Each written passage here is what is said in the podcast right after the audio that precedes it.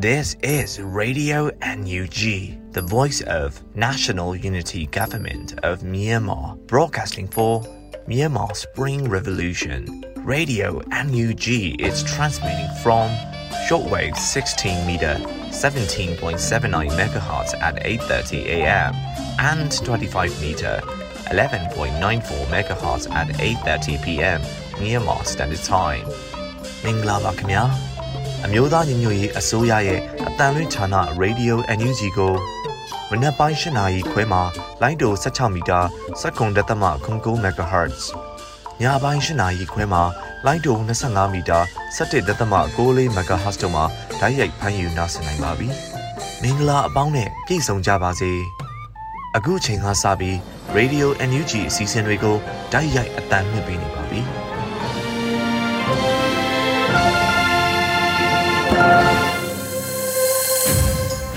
မြန်မာနိုင်ငံသူနိုင်ငံသားအပေါင်းတဘာဝပြီးစစ်အာဏာရှင်ပြီးတို့ကနေကင်းဝေးပြီးကိုစိတ်နှဖျားကြမ်းမှလုံခြုံကြပါစေလို့ Radio NUG ဖွဲ့သားများကဆုတောင်းမေတ္တာပို့သလိုက်ရပါတယ်ရှင်။အခုချိန်ကစပြီးကာကွယ်ရေးဝန်ကြီးဌာနရဲ့စစ်ရေးတရေအချင်းချုပ်ကိုလွေဦးမောင်မှတင်ဆက်ပေးမှာဖြစ်ပါရဲ့ရှင်။ယခုတင်ဆက်ပေးမှာကတော့ကာကွယ်ရေးဝန်ကြီးဌာနအမျိုးသားညီညွတ်ရေးအစိုးရမှထုတ်ဝေသောနိုင်စဉ်စစ်ရေးတရင်အချင်းချုပ်ပဲဖြစ်ပါတယ်။ စစ်ကောင်စီနဲ့တိုက်ပွဲဖြစ်ပွားမှုသတင်းများကိုတင်ဆက်ပေးပါမယ်။ကရင်ပြည်နယ်တွင်ဧပြီလ12ရက်နေ့ကရင်ပြည်နယ်မြဝတီမြို့နယ်မြဝတီမြို့အနောက်ဘက်6မိုင်အကွာရှိတင်ငန်းညီနောင်စစ်ကောင်စီတပ်စခန်းကို KNLA ပူးပေါင်းအဖွဲ့မှဝင်ရောက်တိုက်ခိုက်ခဲ့ကြောင်းသိရပါတယ်။ကရင်နီကရားပြည်နယ်တွင်ဧပြီလ17ရက်နေ့ဓမော့ဆိုမြို့နယ်နောင်ပလဲရွာ၌ KA KNDF ပူးပေါင်းတပ်ဖွဲ့များနဲ့စစ်ကောင်စီတပ်တို့ထိတွေ့တိုက်ပွဲ၄နာရီခွဲကြာဖြစ်ပွားပြီးနောက်စစ်ကောင်စီဘက်မှ20ဦးသေဆုံးခဲ့ပြီး KNDF ရဲဘော်6ဦးကြာဆုံးခဲ့က20ဦးခန့်ထိခိုက်ဒဏ်ရာရသွားကြောင်းသိရပါတယ်။ဧပြီလ12ရက်နေ့ဓမော့ဆုံမြို့နယ်အိုးခူရီရွာနောင်ပလဲရွာဘက်၌ထိတွေ့တိုက်ပွဲစတင်ဖြစ်ပွားပြီး KNDF KA ပင်မစစ်ကြောင်းဘက်မှစစ်ကောင်စီတပ်ကိုစတင်ပစ်ခတ်ခဲ့ပြီးစစ်ကောင်စီဘက်မှအသေးအဆုံးများ၍ပြည်သူ့ကာကွယ်ရေးတပ်ဘက်မှတအူးထိခိုက်ဒဏ်ရာရကြောင်းသိရပါတယ်။စကိုင်းတိုင်းတွင်ဧပြီလ17ရက်နေ့ကလေးမြို့နယ်နတ်မြောင်းနတ်ချောင်းကျေးရွာနှင့်ကလေးမြို့နယ်တောင်ပိုင်း၌စစ်ကောင်စီတပ်ပြူစောတိအင်အား350ဦးခန့်နဲ့ကလေးမြို့နယ်ပကဖကလေးခရိုင် PDF တရင်များ CNDF CDF KKG RKDF ဒေသခံကာကွယ်ရေးအဖွဲ့တို့ထိတွေ့တိုက်ပွဲဖြစ်ပွားခဲ့ရာစစ်ကောင်စီတပ်သားပြူစောတိများတိတ်ဆုံးမှုရှိခဲ့၍ပူးပေါင်းတပ်ဖွဲ့မှ CNDF တပ်သား3ဦးထိခိုက်ဒဏ်ရာရရှိခဲ့ပြီးကလေးမျိုးနယ်ပခပဤဒရုန်းတစီမိရှို့ခံရကြောင်းသိရပါတယ်။ဧပြီလ12ရက်နေ့မြင်းမူမြို့နယ်အာလာကပကျေးရွာမှမုံရွာဘက်သို့မောင်းနှင်လာသည့်စစ်ကောင်စီတပ်သားများပါအန်စာလုံးကားတစည်းကိုဘိုးမင်းကြီးကင်ကျေးရွာနှင့်ဂွေးပင်တော်ကျေးရွာကြား၌ မြောင်အမျိုးသမီးစစ်တီတော်တပ်ရင်းမှထုတ်လုပ်သည့်ရှေ့ထွက်မိုင်းများကိုအသုံးပြု၍မြောင်မြို့နယ်ပြည်သူ့ကာကွယ်ရေးနှင့်လုံခြုံရေးအဖွဲ့ CDSOM မြောင်တပ်မတော် MUA Black Eagle MMU CRF MMU စကိုင်း KI PDF တရင်တစ်တို့မှမိုင်းဆွဲတက်ခိုက်ခဲ့ရာအန်စာလုံးကတစည်းပြက်စီး၍စစ်ကောင်စီတပ်သား10ဦးသေဆုံးခဲ့ပြီး9ဦးဒဏ်ရာရရှိခဲ့ကြောင်းသိရပါတယ်။မကွေးတိုင်းတွင် ဧပြီလ17ရက်နေ့နမောက်မြို့နယ်ရှိ PDF တပ်စခန်းတစ်ခုအားစစ်ကောင်စီအင်အား90ဝန်းကျင်ဖြင့်လာရောက်တိုက်ခိုက်ခဲ့ရာစစ်ကောင်စီဘက်မှတအူးသေးတအူးဒဏ်ရာရရှိခဲ့ကြောင်းသိရပါတယ်။ဧပြီလ17ရက်နေ့ပေါက်မြို့နယ်ကြာအိုးကျေးရွာအနီး၌ရွာများကိုမီးပတ်ရှို့နေသည့်စစ်ကောင်စီတပ်နှင့်ပြည်သူ့ကာကွယ်ရေးမဟာမိတ်အဖွဲ့များကြားတိုက်ပွဲဖြစ်ပွားခဲ့ပြီးစစ်ကောင်စီဘက်မှအ ਨੇ ဆုံးစစ်ကောင်စီတပ်သား25ဦးထပ်မံတေဆုံးခဲ့ကြောင်းသိရပါတယ်။ ဆက်လက်ပြီးစစ်ကောင်စီကျူးလွန်သောရာဇဝတ်မှုများကိုတင်ဆက်ပေးပါတော့မယ်။စကိုင်းတိုင်းတွင်ဧပြီလ17ရက်နေ့တကြောပြန်တိုက်ပွဲအတွင်းကလေးမြို့နယ်နတ်ချောင်းကျေးရွာရှိလူနေအိမ်152လုံးအားစစ်ကောင်စီမှမီးရှို့ဖျက်ဆီးခဲ့ကြောင်းသိရပါတယ်။ ဧပြီလ12ရက်နေ့ကလေးမြို့နယ်ရန်ကြီးအောင်ကျေးရွာ၌ရှိသောစစ်ကောင်စီတပ်သားနှင့်ပြူစောတိအင်အား200ခန့်သည်တင်သားကျေးရွာကြောက်ဖူးကျေးရွာနဲ့ဒိုးနွယ်ကျေးရွာများသို့လက်နက်ကြီးဖြင့်ပစ်ခတ်ခဲ့ပြီးစီတာကျေးရွာရှိလူနေအိမ်များအားစစ်ကောင်စီတပ်သားနှင့်ပြူစောထီးများမှမိရှို့ခဲ့ကြောင်းသိရပါဗျ။ဧပြီလ12ရက်နေ့ကလေးမြို့နယ်ကလေးမြို့တာဟန်းရက်ကွက်စစ်ကောင်စီဂိမ်းမှ၎င်းအနီးရက်ကွက်များသို့လက်နက်ကြီးများဖြင့်ပစ်ခတ်သဖြင့်နေအိမ်တစ်လုံးပျက်စီးခဲ့ကြောင်းသိရပါဗျ။ မကွေးတိုင်းတွင်ဧပြီလ17ရက်နေ့နတ်မောက်မြို့နယ်တမုံကုန်းကြီးကျေးရွာရှိနေအိမ်တစ်လုံးကိုစစ်ကောင်စီမှမီးရှို့သွားပြီး၎င်းအိမ်၏အိမ်တော်ဦးစီးဖမ်းဆီးခံရကြောင်းသိရပါတယ်။ဧပြီလ17ရက်နေ့ပေါက်မြို့နယ်တောင်ပိုင်းကြောက်အိုကုန်းကျေးရွာ၌စစ်ကောင်စီတပ်များမှဝင်ရောက်စီးနင်း၍ရွာလုံးကျွတ်မီးရှို့ဖျက်ဆီးသွားခဲ့ကြောင်းသိရပါတယ်ခင်ဗျာ။ရေပြင်သတင်းတာဝန်ခံများနဲ့သတင်းဌာနများမှဖော်ပြလာသောအချက်အလက်များအပေါ်အခြေခံပြုစုထားပါတယ်။ကျွန်တော်ကတော့ ຫນွေဦးမောင်ပါခင်ဗျာ။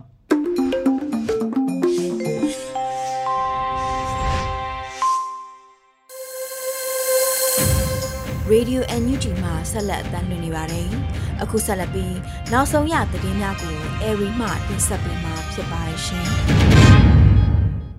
မင်္ဂလာပါရှင်အခုချိန်ကစပြီး Radio NUG မနက်ခင်းသတင်းတွေကိုတင်ပြပေးတော့မှာဖြစ်ပါတယ် အခုတင်ပြပေးမယ့်သတင်းတွေကိုတော့ Radio NUG သတင်းတာဝန်ခံနေနဲ့ခိုင်လုံတဲ့မိဖက်သတင်းအရင်းမြစ်တွေကနေအခြေခံထားတာဖြစ်ပါတယ်ကျွန်မကတော့ Airy ပါရှင်ပထမဆုံးအနေနဲ့နိုင်ငံရေးပါတီတွေကိုအကြမ်းဖက်စစ်ကောင်စီကလုံမဲ့ရွေးကောက်ပွဲမှာမပါဝင်မှုယာယီသမရကတိုက်တွန်းပြောကြားလိုက်တဲ့သတင်းကိုတင်ပြပေးပါမယ်။နိုင်ငံရေးပါတီတွေကိုအကြမ်းဖက်စစ်ကောင်စီကလုံးမဲ့ရွေးကောက်ပွဲမှာမပါဝင်မှုယာယီသမရဒူဝါလက်ရှိလာကပြောကြားလိုက်ပါတယ်။ ဧပြီလ12ရက်နေ့မှာကျင်းပတဲ့အမျိုးသားညီညွတ်ရေးအစိုးရရဲ့အကြိမ်90မြောက်အစိုးရအဖွဲ့အစည်းအဝေးမှာယာယီသမရဒူဝါလက်ရှိလာကအခုလိုထည့်သွင်းပြောကြားခဲ့တာဖြစ်ပါတယ်။စစ်ကောင်စီက၎င်းတို့ဘာသာစီမံချက်ချမှတ်၎င်းတို့ကိုယ်တိုင်ရေးဆွဲတဲ့စီမင်းအောက်မှာကျင်းပမဲ့ရွေးကောက်ပွဲဟာဘယ်နည်းနဲ့မှတရားမျှတပြီးပွင့်လင်းမြင်သာမှုရှိမည်မဟုတ်လို့ပြောပါတယ်။ရွေးကောက်ပွဲကိုပြည်သူလူထုတွေလက်မခံသည့်အတိုင်းနိုင်ငံရေးပါတီတွေအနေနဲ့လုံးဝလက်ခံ၍မရပါအကြမ်းဖက်စစ်ကောင်စီဦးဆောင်ပြီးကျင်းပမဲ့ရွေးကောက်ပွဲလမ်းစဉ်မှာမပါဝင်ကြဖို့ အထူးတိုက်တွန်းလိုပါတယ်လို့ယာယီသမရကဆိုပါတယ်။အာနာသိန်းစစ်ကောင်ဆောင်ဟာမူလက2023ခုနှစ်ဩဂုတ်လမှာရွေးကောက်ပွဲကျင်းပပြီးမယ်လို့စီယုံပြောဆိုခဲ့ပါတယ်။2020ရွေးကောက်ပွဲရလဒ်ကိုဖျက်ပြီးအာဏာသိမ်းခဲ့တဲ့အကြမ်းဖက်စစ်အုပ်စုဟာစစ်တပ်ထောက်ခံတဲ့နိုင်ငံရေးပါတီတချို့ကိုအချိုးကျတင်မြှောက်ရွေးကောက်တဲ့စနစ်နဲ့လှည့်ဖြားလျက်ရှိနေတာလည်းဖြစ်ပါတယ်ရှင်။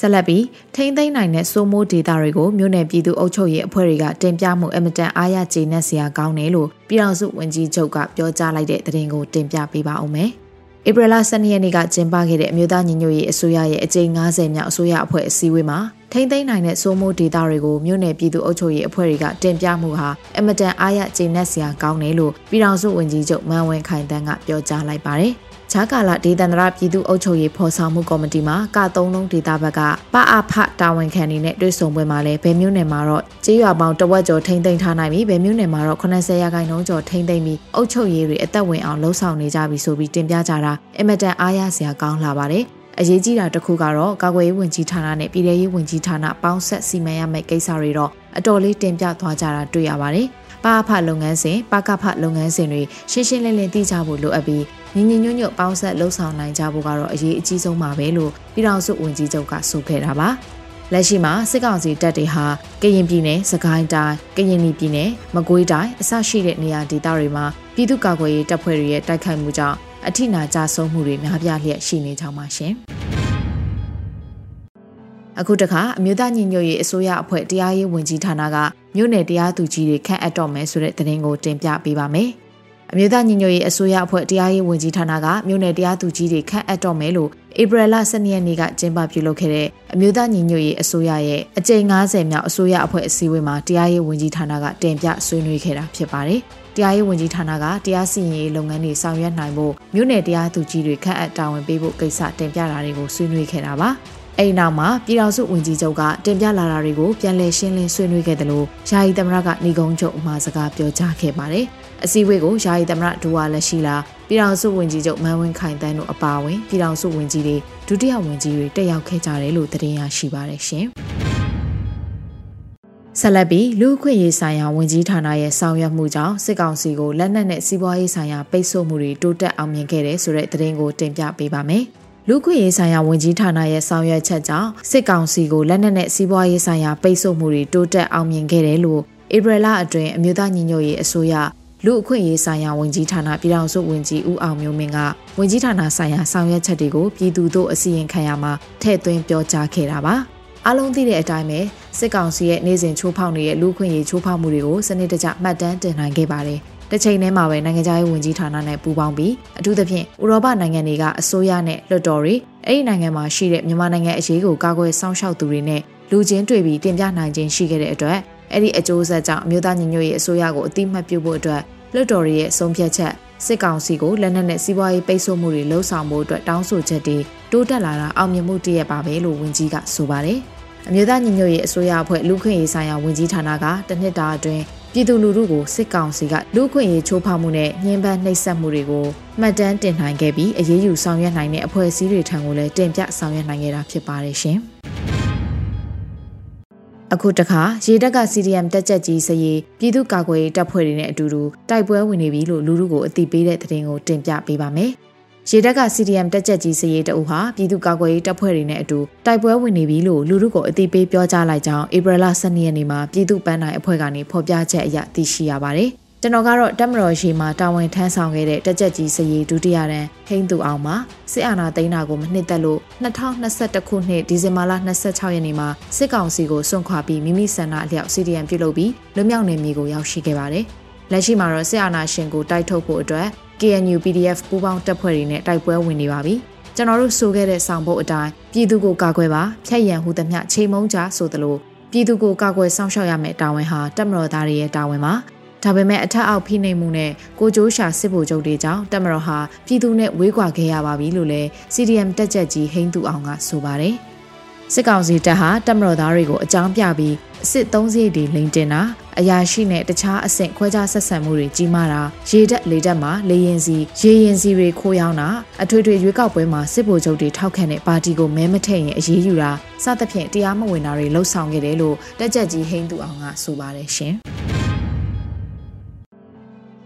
ဆက်လက်ပြီး CDM ဝန်ထမ်းတွေကိုတစ်နှစ်ပြည့် CDM ငွေစုစာချုပ်ပေးအပ်ချီးမြှင့်မှုအမျိုးသားညီညွတ်ရေးအစိုးရအဖွဲ့အစည်းအဝေးမှာတင်ပြခဲ့တဲ့သတင်းကိုတင်ပြပေးပါမယ်။ CDM ဝန်ထမ်းတွေကိုတစ်နှစ်ပြည့် CDM ငွေစုစာချုပ်ပေးအပ်ချီးမြှင့်မှုအမျိုးသားညီညွတ်ရေးအစိုးရအဖွဲ့အစည်းအဝေးမှာဧပြီလ12ရက်နေ့ကတင်ပြခဲ့တယ်လို့သတင်းရရှိပါတယ်။အစည်းအဝေးမှာကာကွယ်ရေးဝန်ကြီးဌာနကတစ်နှစ်ပြည့်ပြည်သူအစီရင်ခံစာတင်ပြတာ စီမံကိန်းဗဏ္ဍာရေးနဲ့ယင်းနှိမ့်မြုံနယ်မှုဝန်ကြီးဌာနကစီဒီအန်ဝန်ထမ်းတွေကိုယာရုတဆင့်တိုးပေးခြင်းဆိုင်ရာမူပါဝါဒရေးဆွဲချမှတ်ဖို့နဲ့တတ်မှတ်တိုးမြင့်ထားတဲ့ယာရုတွေအတိုင်းလစာတတ်မှတ်ဖို့မူဝါဒချမှတ်ခြင်းနဲ့လုပ်ငန်းအကောင့်ထဲပေါ်ဆုံးဖြတ်ချက်တောင်းခံတာစီဒီအန်ဝန်ထမ်းတွေကိုတစ်နှစ်ပြည့်စီဒီအန်ငွေစုစာချုပ်ပေးရချင်းမြင့်မှုတင်ပြတာတွေဆွေးနွေးခဲ့ကြပါတယ်။ 2021ခုနှစ်ဖေဖော်ဝါရီလ၁ရက်နေ့မှာနိုင်ငံတော်အာဏာကိုစစ်တပ်ကမတရားသိမ်းယူခဲ့ပြီးနောက်ပိုင်းစစ်အာဏာရှင်စနစ်ဆန့်ကျင်ရေးလှုပ်ရှားမှုတွေမှာအများဆုံးပါဝင်ခဲ့ကြတာစီဒီအန်ပညာရေးဝန်ထမ်းတွေနဲ့ကျန်းမာရေးဝန်ထမ်းတွေအများစုဖြစ်ကြပါတယ်ရှင်။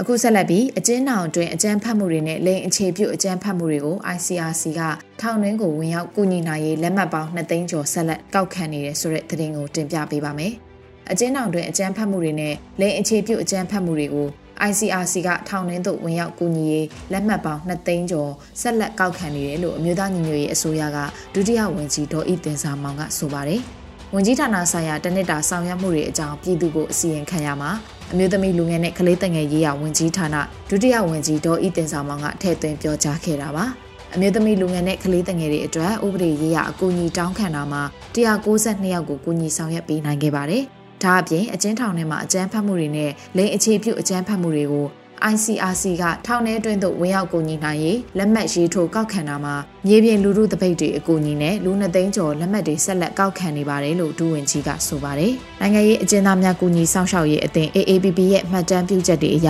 2021ခုနှစ်ဖေဖော်ဝါရီလ1ရက်နေ့ကနေ2022ခုနှစ်ဧပြီလ12ရက်နေ့ထိတိုင်ဖမ်းဆီးချုပ်နှောင်ခံထားရသူစုစုပေါင်း1183ဦးရှိပြီး၎င်းတို့အနက်ကမှ990ကတော့ထောင်ဒဏ်ချမှတ်ထားခြင်းခံထားရပါတယ်ရှင်။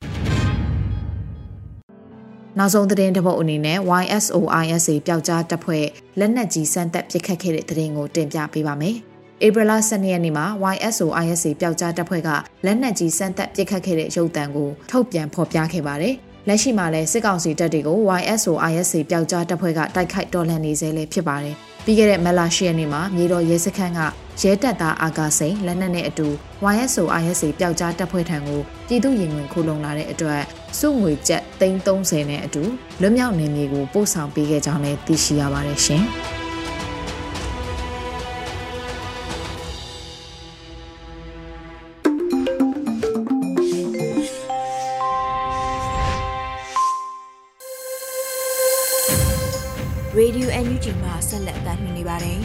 ခုဆက်လက်ပြီး NUG လူအခွင့်အရေးဆိုင်ရာဝန်ကြီးဌာနပြည်ထောင်စုဝန်ကြီးဦးအောင်မျိုးမင်းရဲ့တနစ်ပြည့်ပြည်သူတို့အစီအခံတင်ပြခြင်းကိုတင်ဆက်ပေးမှာဖြစ်ပါတယ်ရှင်။မင်္ဂလာပါခင်ဗျာ။လူခွေဝန်ကြီးဌာနက NUG အစိုးရစတင်ပေါ်ပေါက်တဲ့အချိန်မှာပါဝင်ခဲ့ခြင်းမရှိဘဲနဲ့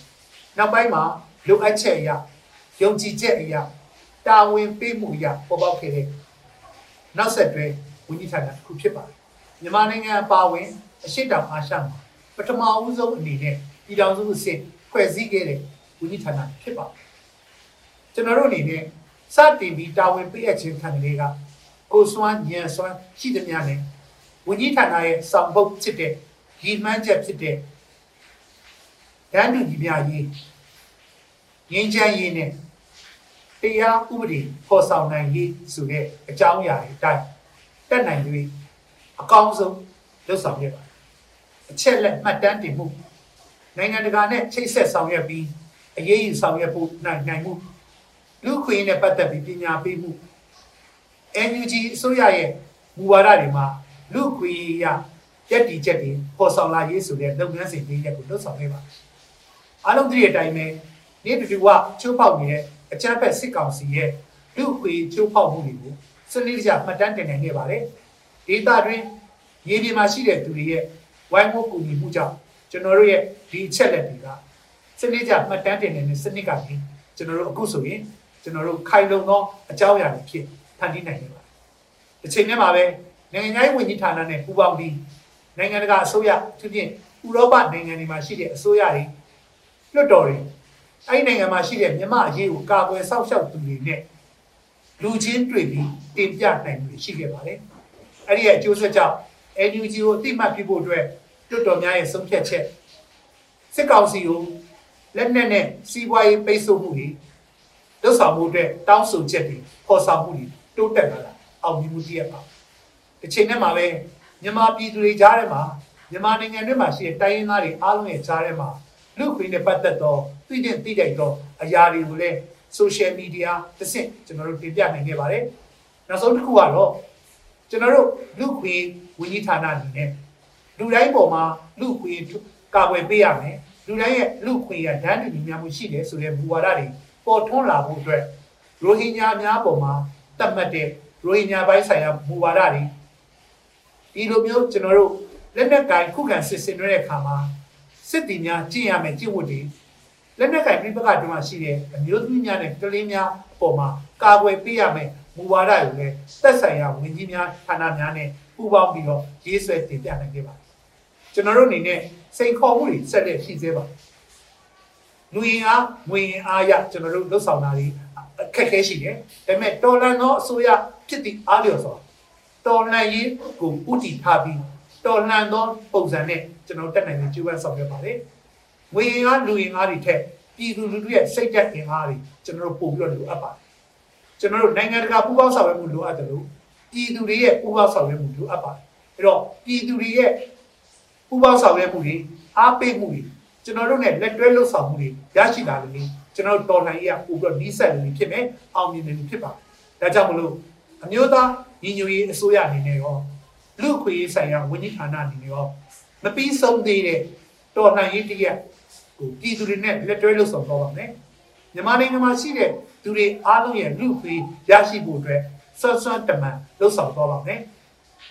ဒီလိုမျိုးຫນွေဦးတော်လှန်ရေးအောင်ပွဲရရှိသည့်တိုင်အောင်အနာဂတ် Federal Democracy မှာလူခွေထွန်းကားပြီးငြိမ်းချမ်းသောတရားမျှတမှုပေါ်ဆောင်နိုင်သောနိုင်ငံတစ်ကိုကျွန်တော်တို့ဆက်လက်ပေါ်ဆောင်သွားမယ်ဆိုတဲ့အကြောင်းရဲရဲကြီးဂတိပေးအပ်ပါခင်ဗျာ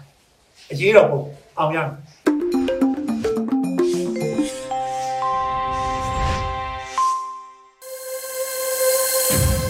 Radio NUG မှာဆက်လက်အသံလွှင့်နေပါတယ်။အခုဆက်လက်ပြီးပြည်သူခုခံစစ်တရေးများကိုမျိုးဦးလိပ်ပြာမှတင်ဆက်ပေးမှာဖြစ်ပါရရှင်ပထမဆုံးအနေနဲ့စကိုင်းတိုင်းကလေးမြို့နယ်တွင်စစ်တပ်ရင်နှန်းနှင့်စစ်ကြောင်းများနှစ်ရက်ဆက်တိုက်မိုင်းဆွဲပစ်ခတ်တိုက်ခိုက်ခံရကစစ်သား35ဦးသေဆုံးတဲ့တဲ့တင်တင်ဆက်ပါမယ်။စကိုင်းတိုင်းကလေးမြို့နယ်တွင်ဧပြီလ10ရက်နေ့နှင့်17ရက်နေ့တို့တွင်အကြမ်းဖက်စစ်ကောင်စီရင်နှန်းနှင့်စစ်ကြောင်းများ အချင်းချင်းမိုင်းဆွဲပစ်ခတ်တိုက်ခိုက်ခံရကစစ်သား35ဦးထပ်မံသေဆုံးခဲ့ကြောင်း People Defense Force ကလေးတပ်ဖွဲ့ထံမှသိရှိရပါသည်။ကလေးမျိုးနဲ့ချောင်းခံရွာဘက်သို့ထွက်ခွာလာသည့်စစ်ကားအစီး20ပါရင်နှန်းကိုဧပြီလ10ရက်နေ့မွန်းလွယ်၄နာရီခန့်တွင်ပန်းမွန်ချောင်းတရားအနီး၌ဒေသကာကွယ်ရေးတပ်ဖွဲ့များကမိုင်းဆွဲတိုက်ခိုက်ခဲ့ပြီးညနေ6:30မိနစ်ခန့်တွင်ချောင်းခွာရွာနှင့်နတ်ချောင်းရွာကြားတွင်အကြံဖက်စစ်ကောင်စီတပ်ဖွဲ့များနှင့် ကာကွယ်ရေးတပ်ဖွဲ့များတိုက်ပွဲဖြစ်ပွားခဲ့ကစစ်သား2ဦးသေဆုံးကြောင်းသိရှိရပါသည်ဧပြီလ17ရက်နေ့နနက်6နာရီမှမွန်းလွဲ3နာရီအထိနတ်ချောင်းရွာတွင်တဆွဲထားသောအကြံဖက်စစ်ကောင်စီတပ်ဖွဲ့များနှင့်ကာကွယ်ရေးတပ်ဖွဲ့များတိုက်ပွဲထပ်မံဖြစ်ပွားခဲ့ပြီးစစ်သား6ဦးသေဆုံးခဲ့ကြောင်းသိရှိရပါသည်မွန်းလွဲ3:30မိနစ်ခန့်တွင်နမြောင်ရွာမှတာစီရွာသို့ခြေလျင်စစ်သားများနောက်ချင်ရင်နှမ်းများဖြင့်တက်လာစေ ဒေသခံကာကွယ်ရေးတပ်ဖွဲ့ကမိုင်း24လုံးဖြင့်ဖောက်ခွဲတိုက်ခိုက်ခဲ့ပြီးစစ်သား10ဦးသေဆုံးခဲ့ကြောင်းသိရှိရပါသည်။အဆိုပါအကြမ်းဖက်စစ်ကောင်စီရင်နှန်းကိုတာစီရွာနှင့်ကြာအင်းရွာအကြားတွင်ဒေသခံကာကွယ်ရေးတပ်ဖွဲ့ကမိုင်း29လုံးဖြင့်ထပ်မံပောက်ခွဲတိုက်ခိုက်ခဲ့ပြီးစစ်သား9ဦးသေဆုံးခဲ့ကြောင်းသိရှိရပါသည်။ရင်းရင်နှန်းကိုချင်းဆိုင်ရွာနှင့်ဇင်ကလင်းရွာကြားတွင်ဒေသခံကာကွယ်ရေးတပ်ဖွဲ့ကမိုင်း12လုံးဖြင့်ထပ်မံတိုက်ခိုက်ခဲ့ပြီးစစ်သား9ဦးသေဆုံးခဲ့ကြောင်းသိရှိရပါသည်။ ထို့အပြင်ကလေးမျိုးတွင်လည်းကလေးနည်းပညာတက္ကသိုလ်ဘက်သို့စစ်ကြောင်းထုတ်လာသောစစ်သား30ဦးကိုလည်းဧပြီလ17ရက်နေ့နနက်10:00နာရီခန့်တွင်စင်ကလင်းရွာနှင့်ကလေးနည်းပညာတက္ကသိုလ်ကြားတွင်ဒေသခံကာကွယ်ရေးတပ်ဖွဲ့ကမိုင်းဆွဲတိုက်ခိုက်ခဲ့ပြီးစစ်သား3ဦးသေဆုံးခဲ့ကရင်းရင်တန်းသည့်ကလေးမျိုးတွင်သို့ဝင်ရောက်သွားကြောင်းသိရှိရပါသည်။အချမ်းဖက်စစ်ကောင်စီစစ်ကြောင်းနှင့်ရန်နှမ်းများကို PDF ခလေး CNDF CDF KKG နှင့် ပကဖာရုကပူးပေါင်းတိုက်ခိုက်ခဲ့ခြင်းဖြစ်ပြီးစစ်သား35ဦးထပ်မံတေဆုံးကကာကွယ်ရေးတပ်ဖွဲ့3ဦးထိခိုက်ဒဏ်ရာရရှိခဲ့ကြောင်းသိရှိရပါတယ်ရှင်။ဆက်လက်ပြီးတမှုတွင်စစ်ကောင်စီစခန်းတစ်ခုစီးနှင်းတိုက်ခိုက်ခံရတဲ့တဲ့ဆက်လက်တင်ဆက်မှာပါ။စကိုင်းတိုင်းတမှုခရိုင်မြို့တင်မြို့နယ်ခွဲထုံကရင်သုံးမနလမ်းပိုင်းရှိရဲနေပြူစောတိအဖွဲ့များတဆွဲထားသောစခန်းတစ်ခုကိုပြည်သူ့ကာကွယ်ရေးတပ်မတော်စစ်မြေပြင်အင်ဂျင်နီယာတပ်ဖွဲ့ PDF CEU နှင့် ABSDF တို့ကပူးပေါင်းစီးနှင်းတိုက်ခိုက်ခဲ့ကြောင်းသိရှိရပါတယ်။အဆိုပါစခန်းရှိ Yes တဦးနှင့်ပြူစောတိအဖွဲ့ဝင်တဦးတို့ထွက်ပြေးလွတ်မြောက်ခဲ့ပြီးစခန်းကိုစီးနှင်းနိုင်ခဲ့က AK တလက်နှင့် Agan တလက်တင်ဆက်ရမိခဲ့ကြောင်းသိရှိရပါတယ်။ရင်းစခန်းတွင်ရဲပြူစောတိများနှင့်ပူးပေါင်းနေသောပြည်သူများပါဖမ်းဆီးရမိခဲ့ပြီးအကြမ်းဖက်စစ်ကောင်စီတပ်ဖွဲ့များနှင့်ပူးပေါင်းစုများ ထပ်မံမပြုလုပ်ရန်ပြောဆိုပြီးပြန်လှုပ်ပေးခဲ့ကြောင်း PDF CEU ကထုတ်ပြန်ထားပါတယ်။နောက်ဆုံးသတင်းအဖြစ်နထိုးကြီးမြို့နယ်ရွာကြီးကျေးရွာရှိစစ်ကောင်စီညနန်းကိုနထိုးကြီး PDF မိုင်းခွဲတိုက်ခိုက်ခဲ့တဲ့သတင်းတင်ဆက်မှာပါ။မန္တလေးတိုင်းမြင်းကြံခရိုင်နထိုးကြီးမြို့နယ်ရွာကြီးကျေးရွာအနီးတွင်ယနေ့ဧပြီလ12ရက်နေ့နက်ပိုင်း၌အကြံဖက်စစ်ကောင်စီရင်တစည်းကိုနထိုးကြီးမြို့နယ် PDF က မိုင်းခွဲတိုက်ခိုက်ခဲ့ပြီးကားတစ်စီးပျက်စီးကစစ်သားထိခိုက်ဒေဆုံးမှုရှိနိုင်ကြောင်းသတင်းရရှိပါရယ်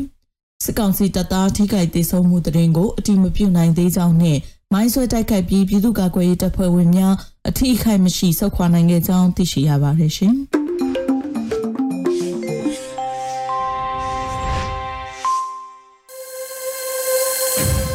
Radio NUG မှာဆက်လက်အသံလွှင့်နေပါတယ်။ အခုဆက်လက်ပြီးနေ့စဉ်သတင်းများကိုမျိုးတော်တာမှတင်ဆက်ပေးမှာဖြစ်ပါရှင်။ပထမဆုံးတင်ဆက်ပေးမှာကတော့အီတလီနိုင်ငံမှာပြုလုပ်ခဲ့တဲ့အလုသမားသမဂ္ဂနိုင်ငံလုံးဆိုင်ရာအထွေထွေညီလာခံမှာအမျိုးသားညိုရေးအစိုးရပြည်ထောင်စုဝန်ကြီးမိန်ခွန်းပြောကြားတဲ့ဆိုတဲ့သတင်းမှာအီတလီနိုင်ငံတောင်ပိုင်းဖော့ကီယာမြို့မှာပြုလုပ်ခဲ့တဲ့အီတလီနိုင်ငံစားသောက်ကုန်စက်မှုလက်မှုလုပ်ငန်းနဲ့တဘာဝပတ်ဝန်းကျင်ဆိုင်ရာတက်ကြွလှုပ်ရှားသူလုပ်ငန်းရှင်အလုသမားတွေကိုကိုစားပြုတဲ့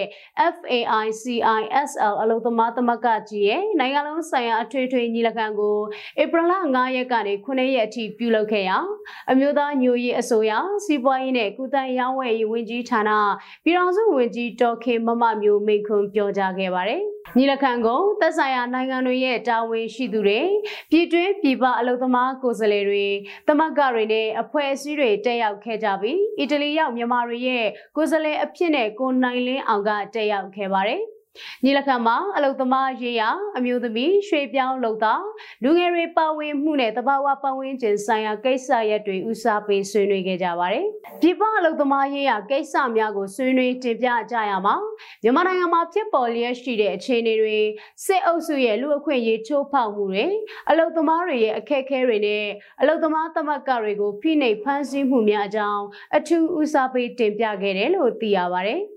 အခုနောက်ဆုံးအနေနဲ့မြန်မာနိုင်ငံတဝန်းကလူမျိုးပေါင်းစုံဘာသာပေါင်းစုံပါဝင်တဲ့ဆီယနာရှင်မြစ်ပြတ်ချင်းမုံရေးလူထုဆန္ဒပြပွဲသတင်းတွေကိုစူးစီးတင်ဆက်ပေးမှာဖြစ်ပါတယ်။အရာတော်မြို့နယ်မှာအရာတော်လူထုသပိတ်ကောင်းဆောင်ကော်မတီကဥဆောင်ပြီးတော့ဒီနေ့မနေ့မှာတော်လန်တကြံဆင်နွှဲကြဖို့နဲ့ဆီယနာရှင်စန့်ကျင်ရေးဆန္ဒပြသပိတ်တွေပြုလုပ်ခဲ့ကြပါတယ်။ဆန္ဒပြပြည်သူတွေက တော်လန်တကြံရှေ့ဆက်ဖို့ရင်းကရာကိုညင်းပယ်ဆိုဆိုတဲ့စာသားတွေကင်ဆွဲပြီးတော့ဗရောက်ပန်းတွေနဲ့ဆန္ဒပြချီတက်လှည့်လည်ခဲ့ကြတာပါစကိုင်းတိုင်းကလေးမျိုးမှာအကြမ်းဖက်စစ်ကောင်စီကပြုလုပ်မဲ့သွေးစွန်းတကြံမှာပြည်သူတွေမပါဝင်ကြဖို့ရေဆန္ဒပြလှုပ်ရှားမှုတွေကိုဒီနေ့မနက်မှာပြုလုပ်ခဲ့ပါတယ် အသက်ဆွတိုက်ပွဲဝင်နေရတဲ့ပြည်သူ့ကာကွယ်ရေးတပ်ဖွဲ့တွေထောင်များအတွင်းမတရားဖမ်းဆီးခံထားရတဲ့ရဲဘော်တွေစစ်ကောင်စီရဲ့အကြောင်းပဲဝင်ရောက်ပြစ်ခတ်မိရှို့မှုတွေကြောင့်ဒေါတောင်အတွင်းပုံအောင်နေရတဲ့စစ်ရှောင်ပြည်သူတွေကိုကိုချင်းစားတဲ့အနေနဲ့သွေးစွန်းတကြမှာပါဝင်ခြင်းမပြုကြဖို့တိုက်တွန်းနှိုးဆော်ထားတာတွေ့ရပါတယ်။ တနင်္သာရီတိုင်းထဝယ်ခရိုင်လောင်းလုံမြို့နယ်မှာအကြံဖက်ဆီယနာရှင်စန့်ကျင်ရေးနဲ့ဒေါ်လန်တကြံဆင်နွှဲရေးအတွက်ဆန္ဒပြတပိတ်ကိုဒီနေ့မနေ့မှာပြုလုပ်ခဲ့ကြပါတယ်။ဆန္ဒပြလူငယ်တွေကဗတောက်တွေနီးစေတို့ထဝယ်မြေဖက်စစ်တကြံတို့ညင်းဆန်ဆိုတဲ့စာသားတွေကင်ဆောင်ပြီးဆန္ဒပြချီတက်ခဲ့ကြတာဖြစ်ပါတယ်။ဆရာပြပွဲကိုလူငယ်အမျိုးသမီး LGBT တွေနဲ့အခြေခံပညာကျောင်းသူကျောင်းသားတွေကချီတက်ဆန္ဒပြခဲ့ကြတာပါ။ ဒါကတော့ဧပြီလ12ရက်နေ့ဆီယနာရှင်အမြင့်ပြတ်ချင်းမုံရဲ့လူထုဆန္ဒပြပွဲသတင်းတွေကိုစူးစီးတင်ဆက်ပေးခဲ့တာပဲဖြစ်ပါတယ်။ကျေးဇူးတင်ပါတယ်ရှင်။။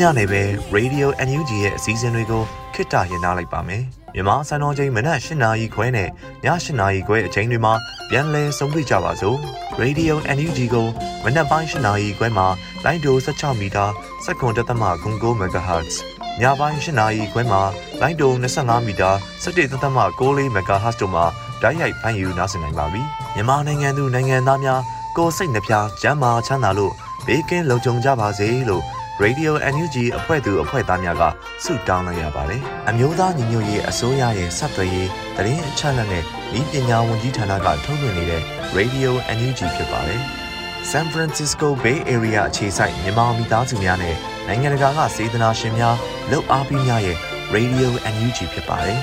။အရေးတော်ပုံအောင်ရမည်